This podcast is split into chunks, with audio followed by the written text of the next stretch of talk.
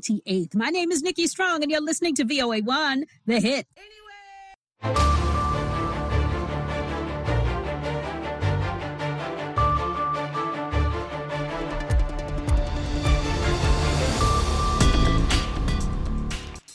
halkani waa washington laanta af soomaaliga ee v o a oo aad ka dhegeysanaysaan mawjadaha gaagaaban efemada geeska afrika iyo dunida oo dhan oo aad nagala socotaan v o a somaly com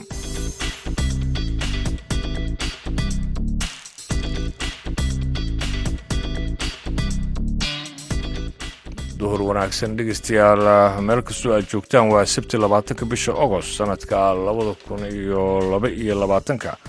Afrikada barina saacaddu haatan waxa ay tilmaamaysaa kuudii iyo barkii duhurnimo. Halka washingtonna ay tahay lixda iyo barka subaxnimo. Idaacaddeenna duhurnimo ee barnaamijka dhallinyarada maanta waxaa idiin soo jeedinaya anigoo ah ibraahim xasan daanduray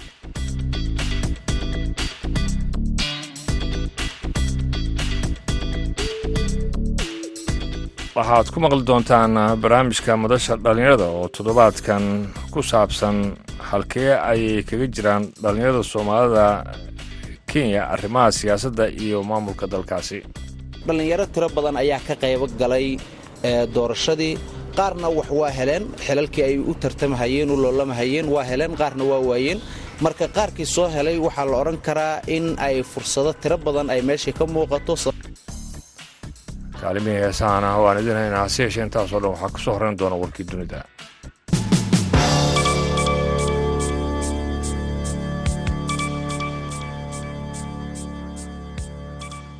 dabka kacay baqaar rasaastiley oo u dhow tuulada timonovo. Ee ruushka ayaa horseeday in laga qaxo laba tuulo oo ka tirsan gobolka belgorod ee ruushka oo ku yaalla xadka waqooyi bari ee dalkaasi ukrain sida uu sheegay sarkaal dabkaasi ayaa kii ugu dambeeyey ee dab isxigxigay oo burbur geysta oo ka dhaca dhulka uu ruushku qabsaday ee ukrain iyo gudaha ruushka. Ku dhowaada kun iyo boqol qof ayaa degan tuulooyinka timonovo iyo soloti oo qiyaastii shan iyo labaatan kilomitir u jira xuduudda ukrain dabkaasi ayaa yimid maalmo kadib markii baqaar kale oo rasaastiilay uu ku qarxaday jasiiradda krimiya oo dhulka ruushka uu qabsaday sannadkii labada kun afar iyo tobankii oo ku yaalla badda madow. Toddobaadkii hore sagaal duyradaha dagaalka ruushka ayaa la sheegay in lagu burburiyey saldhigga cirka ee krimiya taasi oo muujinaysa labadaba nugulaashaha ruushka iyo awoodda ukrain ee ah in si qoto dheer ay u duqayso cadowga sagaal qof ayaa dhintay oo ay ku jiraan ugu yaraan shan caruura weerar gantaal oo lagu qaaday suuq ku yaalla magaalada albaab ee waqooyiga suuriya sida ay sheegtay kooxda waxbadbaadinta ee the white helmets. Kooxdaas oo ka howlgashaa qaybo ka mida suuriya oo ay weli gacanta ku hayaan kooxaha mucaaradka hubaysan ayaa sheegay in ugu yaraan siddeed iyo labaatan kalena ay dhaawacmeen albaab ayaa dhacda deegaano ka tirsan gobolka xalab oo ay gacanta ku hayaan fallaagada turkiga uu taageero balse qayb kale waxaa gacanta ku haya ciidamada dowladda suuriya oo taageero ka helaya ruushka. Xogaga dimuqraadiga ee suuriya ee maraykanka uu taageero ee s d f oo ay hormuud ka yihiin kooxaha kurdiyiinta ah ee wadahadal la furay dowladda fadhigeedu yahay dimashik ayaa sidoo kaleeto gacanta ku haya qaybo ka mid a waqooyiga iyo waqooyi bari ee dalkaasi. Warkiina dhegeystayaal waa dhagaytaas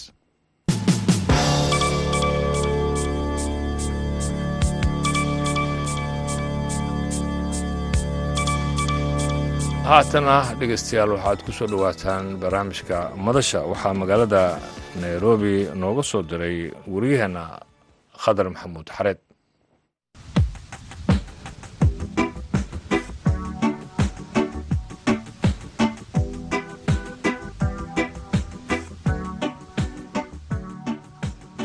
wanaagsan dhegaystayaal ku soo dhowaada barnaamijka madasha dhallinyarada v o a oo toddobaadkan idinkaga imaanaya magaalada nairobi dalka kenya waxaa dhowaan ka dhacday doorasho muddo badan si weyn loo wada sugayey doorashadaasi dadka sida weyn uga dhex muuqday waxaa ka mid ahaa dhallinyaro badan oo soomaali kenyaan ah kuwaasoo qaarkood ay u suurta gashay inay ka mid noqdaan isbeddelka cusub ee kenya ka dhacay iyagoo ka mid noqday dowladda cusub ee kenya. Halkee ayay kaga jiraan isbeddelka dhanka maamulka ah ee ka dhacay dalka? Muxuu yahay doorka dhallinyarada soomaaliyeed ee kenya ee dowladda cusub dhallinyaradu maxay ka filan karaan dowladda cusub ee william ruuto door nooce ah ayay ka qaadan karaan arrimaha horumarka iyo maamul wanaagga ee kenya? Dhammaan su'aalahaasi oo dhan ayaynu ku falanqayn doonaa barnaamijka madasha dhallinyarada oo ay marti igu yihiin fu-aad axmed oo u ololeeya arrimaha dhallinyarada kenya iyo maxamed xirsi oo isna ka mid ah dhallinyarada danaysa arrimaha siyaasadda. Marka soo dhawaada waxaan ku bilaabayaa fuaad fuaad ku soo dhawow kadibna bal isbeddel baa dhacay kenya. Dhallinyarada soomaalida ka waran halkey kaga jiraan. Bismillaah qadarow waa dhowahay marka koowaad waxaan salaamayaa dhegaystayaasha adeecadda iyo saaxiibkay iyo inta kaloo nagula jirta dooda maantay. Marka koowaad waxaan leeyahay doorashada dhacday. Horta waa doorasho la dhihi karo doorashooyinkii hore iyo sidii hore habmaamuuskii loo qaban jiray. Doorasho aa moodo inay ka duwan tahay sababtoo ah daahfurnaan tiro badan oo ka duwan doorashooyinkii hore oo laga qabto waddanka ayaa muuqata. Taas markaas waxay sababtay in dad badan oo aan mar hore fursado aan u helin inay fursado ay u heleen maxaa yeelay wax isdabamarintii tirada badneed oo laga caban jira mar kastaba waa soo yaraatay. Inkastoo weli ay cabashada dad ay qabaan laakiin waxaa la odhan karaa doorashadii isdabamarintii waa yaraatay taasoo marka sababaysa dhallinyaro tiro badan oo qowmiyadaha kala duwan siiba soomaalida inay fursado badan inay u abuurtay. Maxaa yeelay dhallinyaro tiro badan ayaa ka qaybo galay doorashadii qaarna wax waa heleen xilalkii ay u tartamahayeen u loolamahayeen waa heleen qaarna waa waayeen. Marka qaarkii soo helay waxaa la odhan karaa in ay fursado tiro badan ay meeshai ka muuqato sababtoo ah dhallinyaro badan oo haddadan sida ay wax u dhaceen taasoo sababtay marka inay siyaabo badan ay dowladdu uga qayb qaadan karaan qaybtii doorashada ku soo baxday. Ayagoo weli heli kara inay ka qayb noqdaan horsocodka iyo doorashada dhacday xilalkii ka soo baxay. Marka waxaa kaloose jira dadkii laftooda waayey fursadaa u abuurmay. Sababtoo ah waxa waaye dowladda markastoo aad cod u tartanto fursadaha ka soo baxa. Dhallinyaradaas oo waaye iyagoo sababa axsaabtii ay ka taagnaayeen fursaday helaan.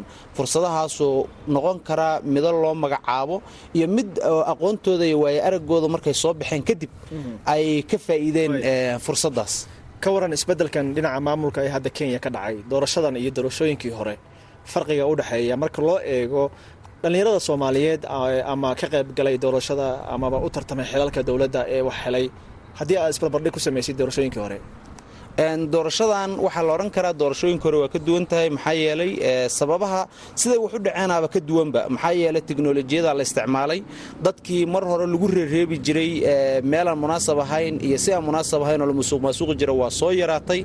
Markii ay soo yaraatay marka haddadan fursado badana u abuurmay ninkii soo baxay waa fursad kii aan soo bixin laftiisa waxa waaye wuxuu hagaajiyey tillaabo siyaasadeed uu hagaajiyey asagoo ku guulaysan doona in uu cod loo magacaabo iyo barasho la bartay oo qofkii markii la barto fursada halkaas lafteeda ka jirta. Teeda kale waxa waaye isbeddelka xukuumadda dhacay mid aan la filaynu noqday maxaa yeelay awoodda dowladda waxay saadaalinaysay in madaxweynaha maanta guulaysta maahane injineer rayla omolo odhinga inuu soo bixi doono ayaa la filayey sida loo badinaya saadaalinta laakiin isbeddelaa dhacay isbeddelkaas dhacayna waxa waaye in uu ka shaqayn doono dhallinyarada mid taabagelin doono sababtoo ah wuxuu mar kastaba ku taamayey madaxweynaha maanta dooran william samoy ruto. Mar kastaba wuxuu lahaa dhallinyarada iyo shaqogelin iyo warshado in la abuuro si dhallinyaro badan loo shaqaalaysiiyo. Taas ayaa sababaysa marka in la yidhaahdo ifafaalaha dowladda maantay askumantay in ay ka duwan tahay dowladihii hore oo hami badan iyo hamuun badan loo qabo. Taas ayaa la odhan karaa. Waan kugu soo noqonaya maxamed xirsi adiga ka waran maxaad ka dhex arkaysaa isbeddelkan? Khadar waa mahadsan tahay saaxiibkii fuaadna u mahad celinaya iyo bahda v o a guud ahaan. Waa dhab in dalka isbeddel uu ka dhacay maamul run ahaantiina isbeddelka maamulba wuxuu ka bilowday hogaanka dalka oo madaxdii u tartamaysa xitaa markaad fiiriso ay kala dhallinyaraysnaayeen. Marka fursad weyn baa waxaan is leeyahay william ruto waxaa ugu jirtaa dhallinyarada. Si gaara annaga soomaalida ana dhallinyaradu hami fara badan oo siyaasadeed baa ku jira badankood. Suu sheegay fu-aadna qayb badanna waa hamigooda waa tijaabiyeen qaybna waa guulaysatay qaybna waa guuldaraysatay maanta marka dhallinyarada iyagaa laga rabaa si ay isu gacan qaban lahaayeen ama kuwa xilalka helay ay u gacan qaban lahaayeen kuwa kaloo waayey. Laakiin fursadaha ii muuqda waxaan is leeyahay waa kuwo fara badan. Wakhtiga oo shan sano ah oo hadda bilow ah madaxweynaha oo ah nin dhallinyaro ah iyo dadka dowladda soo galay oo barsentage ahaan aad u badan. Markaad fiiriso dowladihii hore dadkii soo geli jiray. Marka waxaan is leeyahay fursado badan baa dhallinyarada ugu jirta. Maxaa laga filan karaa bay kula tahay dowladdan cusub? Marka laga fiiriyo dhinaca fursadaha dhallinyarada soomaalida madaxweyne ruuto waxyaaluhu ku loobingareeyey markuu kaambiinka ku jira waxaa ka mid ahayd inuu samayn doono shaqo abuur. Dadka harjadka ku jira ama waxa ugu yareeya haslaaska inuu u noqon doono budiga. Dabcan dhallinyaraduna dadkaasay lafdhabar u yihiin. Waxa maanta shaqola'aantu hayso waa dhallinyaro. Waxa ugu badan oo maanta derbiyada fadhiya ama fursadaha shaqola waa dhallinyarada. Iyagoo weliba waxbartay nasiib daro marka waxa la filayo waa in madaxweynaha uu ka dhabeeyo manifestadii uu ku galay doorashada oo ahayd inuu dhallinyarada shaqo abuur u samayn doono.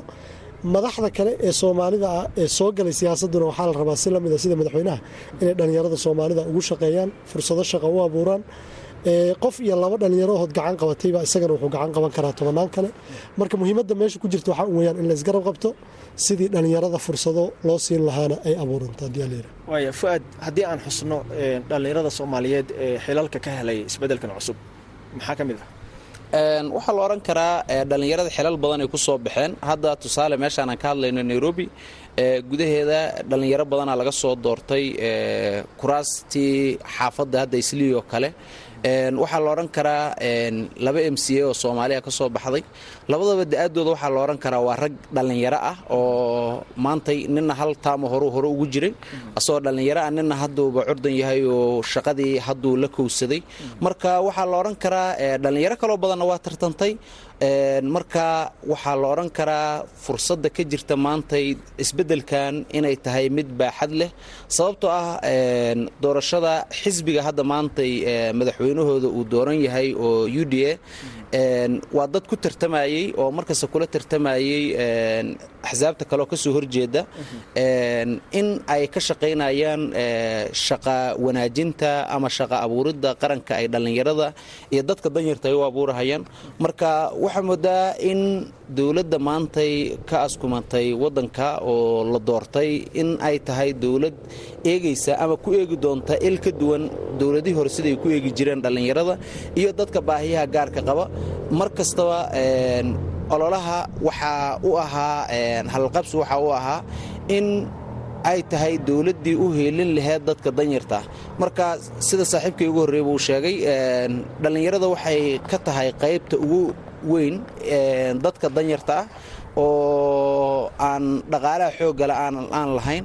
Marka shaqa abuurka la sheegayo oo ay ku loolamahayeen axsaabta iska soo horjeedana in ay noqon doonto mid abuuri doonto shaqada. Marka dhallinyarada fursad weyn ayaa uga dhex muuqata tan aan ahayn codadka ragga ku soo baxay aan ahayn raggii xataa aan codka u tartaminoo dhallinyarada bulshada ka midka ah inay ka qaybgeli doonaan shaqooyinka shaqa abuurka qaranka uu u suubin doono xisbiga maanta guulaystay sidii uu siyaasadiisaba hore ugu loolamhay. Maxaa muhiimada ay u leedahay isleedahay maxaa muhiimada oo ay leedahay ad isleedahay dhallinyarada xilalka ku soo baxay oo dhallinyarada kale ee soomaaliyeed ee islii ku nool ay u leedahay?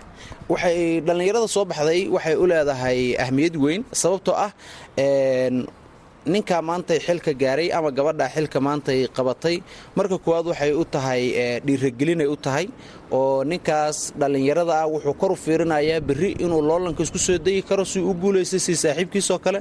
Waa mid midda kaleo waxay tahay in dhallinyarada ay dareemi karto ninka dhallinyarada maanta xilka ku soo baxay inuu yahay nin dareemi kara dhibka shalay haystay asagoo kaabi kara oo ka bixin kara. Allaa dhibka ka bixiya laakiin asagoo dadaal muujinaya dhibkii shalay haystay intuu la falgalo berri wuxuu sababi karaa inuu ninkii baagamuudada ahaa dhallinyaradii baagamuudada ahayd dadkii baahiyaha gaarka qabo baagamuudada ahaa in uu ka saaro oo shaqo abuur inuu u suubiyo oo uu dhegaysto dhallinyaradaas asagoo mar horena age bracketkaas dhallinyarada ka yimid maantana dhegaysanahaya u abuurahaya shaqooyin ama brojectyo ay ka faa'iidaysan karaan. Marka waxaa la odhan karaa dhallinyarada xilalka ku guulaysatay waxay u tahay il ay kor u eegaan dhallinyarada maantay xilka ku taamaysa ama bulshada ka midka. Ah maxamed xirsiyow inta badan waxaa la sheegaa in dhallinyaradu marka ay fursado noocan oo kale a helaan oo xilal ay dowladda ka helaan ama fursado kale oo ay xafiisyada dowladda ka helaan inaysan ka faa'iidaysanin dhallinyarada sidii la rabay inaysan uga faa'iidaysanin ayaa lagu dhaliilaa maxay kula tahay caqabadahaasoo kaleeto? Waa caqabadda koowaad in marka hore ballanqaad lagu soo galo laakiin aan laga dhabayn. Madax badan oo soomaali ah oo waqooyi bari ka soo gashay bayna maanta arintaas ku dhacday. Waxaad ogtahay in dad badan oo madaxa oo xilal haya hadday ahaan lahayd barasaabyo sanataro iyo xildhibaano heer qaran iyo heer dowlad goboleedba inay xilalkoodii waayeen. Waxaan aaminsanahay waxa ay ku waayeen oo ugu muhiimsan inay tahay ballanqaad ay u sameeyeen dhallinyaro bulshada boqolkiiba toddobaatan iyo shan ka ah inay uga baxeen. Taasaa keentay in dhallinyaro badan oo anigu lafteydaan markhaati u ah dhallinyaro badan oo leh codkanaga sanadkan waa ku ciilbaxaynaa macnaheeduna uu yahay in lagu ciilay sannadkii hore codkii la siiyey ay bixiyeen inay ku ciileen madaxdii ku jirtay. Marka dhallinyaradu fursad dahabi ah bay haysteen sanadkan waxaana aaminsanahay sidii la rabay inay uga faa'iidaysteen oo ay soo saarteen madax. Si la mid a sida saaxiibkay nairobi keliya ma ahan ama isliiye waqooyi bariga soomaalidu ay ku badan tahay ama degtaba. Rag badan oo dhallinyaro aha ku soo baxay xildhibaanada baarlamanka dhexe iyo kan deegaankaba waana meelaha dowladda wax looga qabto ama la xisaabtanka rasmiga uu ka jiro. Marka waxaan is leeyahay raggaas soo galay wacyi ku filan waa haystaan oo ah in lagu soo geliyey raggii hore ka horreeyey ballanqaad ay sameeyeen inay ku fashilmeen. Marka fursad dahabi ahay haystaan madaxda hadda soo gashay iyo dhallinyaradaba inay dhallinyarada maanta uga faa'iideeyaanna waa arrin la siman baan is leeyahay. Marka waxaan filayaa in waddadii la qaaday ilaa aan la qaadi doonin ilaa insha allah. Maxaa isleedahay dhallinyarada hadda xilalka helay way u qaban karaan dhallinyarada kale? Waxyaalo badan shaqo abuur ay samayn karaan. Xilalku ma aha kuwa la doorto oo keliya. Xilalka dowladdu waa badan yihiin. Waxay samayn karaan ganacsiyo yaryar ay u abuuri karaan. Dhallinyaradu ay ku shaqaystaan oo reerahoodana ka masruuftaan korna ugu soo kacaan. Xafiisyadooday shaqo ka siin karaan dowlad goboleedyada ama ismaamulada waqooyi bari oo kale oo hadda soomaalidu saddex maamul ay ku leedahay yaa laga shaqaalaysiin karaa kumanaan dhallinyaro ah. Waa haddii ay ka dhab tahay madaxdu inay u shaqeeyaan dhallinyarada iyo dadka maskaxdooda inay shiilaan la rabo. Xasuusnow dhallinyaradu waa lafdhabarta bulshada waana dadka ay ahayd ama ay tahayba in mashiinada dowladda ay dhaqaajiyaan. Waayahay fu'aad maxaa isleedahay dhallinyarada soomaaliyeed marka ay dowladda ku biiraan oo kale ama ay xafiisya noocan oo kale ah ay hogaanka u qabtaan caqabado ay la kulmaan? Dhallinyarada caqabado zaa'id ay horta la kulmaan. Midda koowaad oo ay sababto balaanin la'aan. Marka koowaad qofka ma qoranahayo tartanka wuxuu ku tartamayo haddii uu qortona wuxuu qortaa mid ka shishaysa ama ka baaxad weyn wixii uu qaban karo. Sababtoo ah asagoon ogeyn ama ayadoon ogeyn waxa ka horreeya sababtoo ah waa iska galaan xilka waa u tartamaan lowlaa waa loo tartamaa ay ku tartamaan sida loo badan yahay. Qaar ka soo baaraan dega waa jiraan laakiin sida loo badan yahay waxa waaye hebela waa hore tartamay waa guulaystay ayaa lagu wada tartamaa. Marka waxa waaye lack of planning iyo haddii la balangareeyo oo manifesto wanaagsan uu suubiyo iyo dadka wuxuu u qaban laha uu suubiyona mid ka baaxad sarreeya heerkii iyo waxqabashadii uu qaban doono shanta sano. Howlahaas ayaa sabab u ah. Iyo markii uu xilka tago in uu ka fiirsasho la'aan shantii sano asagoo magaalada daaraha dheerdheer asagoo kor u fiirinaya in uu wakhtiga ka idlaado. Marka howlahaas ayaa sababa in ay caqabadan timaado inkastoo ay jiraan dhallinyarada qaybo ka mid ah oo markii horeba waxa waaye ku talagal ay ku talagaleen xilka inay ku tartamaan ay ku talagaleen manifesto ay qorteen qoraalkii ay qorteenna ka dhabeeya ay jiraan oo mar iyo laba iyo saddex in la soo doorto ay dhacdo. Marka labada waa la isugu jiraa laakiin caqabadaha ugu waaweyna waxay tahay ka fiirsasho la'aan lagu tartamo iyo markii aad tartanto in ballanqaad ziyaada aa suubiso oo aadan ka miro dhalin karin. Loolaa cilmibaaro tiro badan oo waddankan laga suubiye ay tahay xataa axsaabta waaweyn markii ay tartamahayaan manifestaasho ay soo qoraan boqolkiiba konton xisbi ilaa hadda ka hor dhabeeyey shan shantii sano ay xukumahayeen muddaxileedyadii ilaa hadda ma dhicin. Dhallinyaradana waa un la mid iyo dadka xilalka u tartamaya maxaa yeele nin kastaba wax kastuu sheegaa si uu doorashada ku soo galo. Markuu soo galona ma suurtogeli karto si kastuu isugu dayo. Marka waxyaabahaas ayaa sababa in ay caqabad timaado waayahay hore ma u maqashay muddadii aad islii ku nooleed oo kale dhallinyaro soomaali ah oo loo doortay kuraasta noocan oo kale ama helay fursadahan oo kale oo wadi waayay ilaa hadda dhallinyaro oo la doortay waa jirtaa xaafadaha xaafadaha ka mid ah nin hadda doorashadii kii xildhibaan dowlad goboleedka nairobi ku soo baxay ayaa jira. Haddana markaan dambena aan tartamin sababta jirtana waxay tahay in uu fursaddii uu u arkay uu maantay uu ka arki waayey in uu qaban karo waxyaabuu ballan qaada waa jiraan. Rag kaloo waaweyn oo ayaga laftoodana oo ku fashilmo waa jiraanoo hal taam saafgareey ama laba taam joogay oo sidoo kale xilalkii ayagana laftooda ka dhacay. Sababtoo ah waxay keeni waayeen ballanqaadkoodii ay ka dhabayn waayeen wax oo dadka cajab geliyana waa u suuro gelin waayeenoo waa u ballanqaadkaas waa suubin waayeen. Taas ayaa sababtay dad cusub oo wada cardunah in ay maanta ay bedelaan raggii hore oo xukuumadaha ka qayb ahaa oo doorashooyinkii hore mid ka ahaa. Waayahay gabagabadii maxay tahay fariinta aad u jeedinayso dhallinyarada? Dhallinyaradu waxaan u jeedinayaa inaysan quusan maalmihii wanaagsanaa weli waa hortanada waxaan leeyahay yaan la quusanin. Madax horay xilalka ugu fashilantay oo ballanqaadyo idiin sameeyeyna yaan lagu xisaabtamin ballanqaad horeyna loogu sameeyey ama mid soo socdee haddaba inay dhallinyaradu iyagu u istaagaan sidii isla xisaabtan ay u bilaabi lahaayeen fursadan ay u abuuran lahaayeen. Fuaad waxaan ku waafaqsanahay in fursaddu ayada aysan ku soo raadsanayn oo ay tahay inaad ka shaqayso bosishinka aad rabtana inuu noqdo mid awooddiisa iyo ka soo bixidiisaba aad leedahay oo uusan noqon mid waa la noqday ama hortay baa qof kale ku soo shaqeeyey. Ama qofbaa hadda ku fadhiyaba aad ka eersatid aan lagu raadsanine ay noqoto mid ka go-naansho aqoon iyo xirfadba ku imaada. Waxaan kaloo ugu baaqi lahaa madaxda la soo doortay khadar waanoo fursadda ka faa'idaysanaya in ay ka dhabeeyaan dhaartii iyo ballanqaadyadii ay sameeyeen. Waa ufu bilcahdi waaye oo ballanku mas'uuliyad aad qaaday waay marka in ballantaasna laga dhabeeyo dadkana aan eex iyo qabyaalad soomaalidu dhibkaasa haystee aysan waxba ku xulanin aqoon iyo karti iyo quality qofka uu leeyahay inay wax ku siiyaan baan iyadana ku baaqi lahaa gabagabadii. Waxaan leeyahay dhallinyarada waxaan kula talinayaa horta mar kastaba adduunka dib uu u badan yahay dhallinyarada waa in ay ka qayb qaataan doorashooyinka midda maanta dhacday iyo midda soo socotaba intaba aan dhallinyaradana markasta waxaan kula talinayaa in uu xilalka dowladda iyo dadka waxuqabashadooda inay ka bilaaban kuna dhammaanin xil la doorto.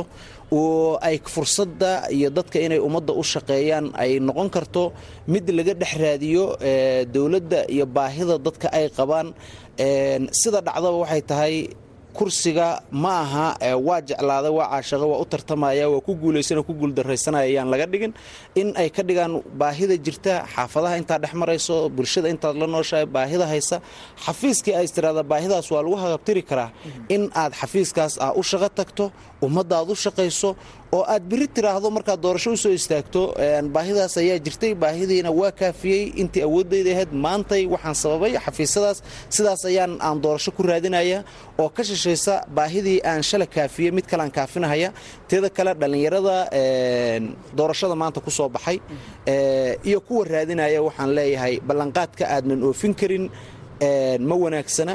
Wax aad oofin karto inaad ballan qaaddo ragga soo baxayna waxaan kaloo adkaynaya waxay tahay in aad shaqooyin iyo howlo aad u abuurtaan dhallinyarada idinka dambaysa iyo bulshaweynta soomaaliyeed iyo bulshaweynta kenyaanka kaleba intaba inaa u abuurtaan shaqo abuur iyo fursado kale intaba inaa u wada abuurtaan. Aad iyo aad aa umahadsanta mahadsanidin. Intaas ayaynu ku soo gebagabaynaynaa barnaamijkii madasha dhallinyarada. Tan iyo kulan dambe nabadgelyo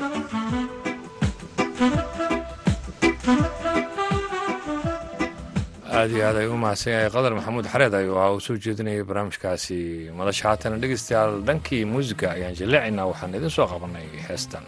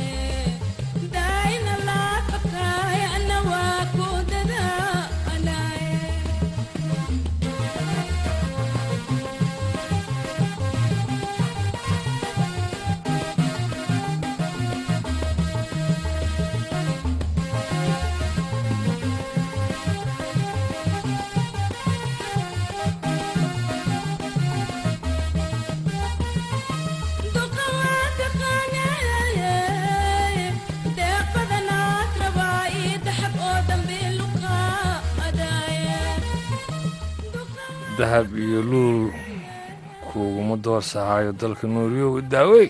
Heestaasi waxay ka mid ahayd heesihii banaadiriga ahaa ee hore. Waxayna ugu dambeysay idaacaddeenna duhurnimo intaan mar kale kulmi doonno sidaa iyo nabadgelyo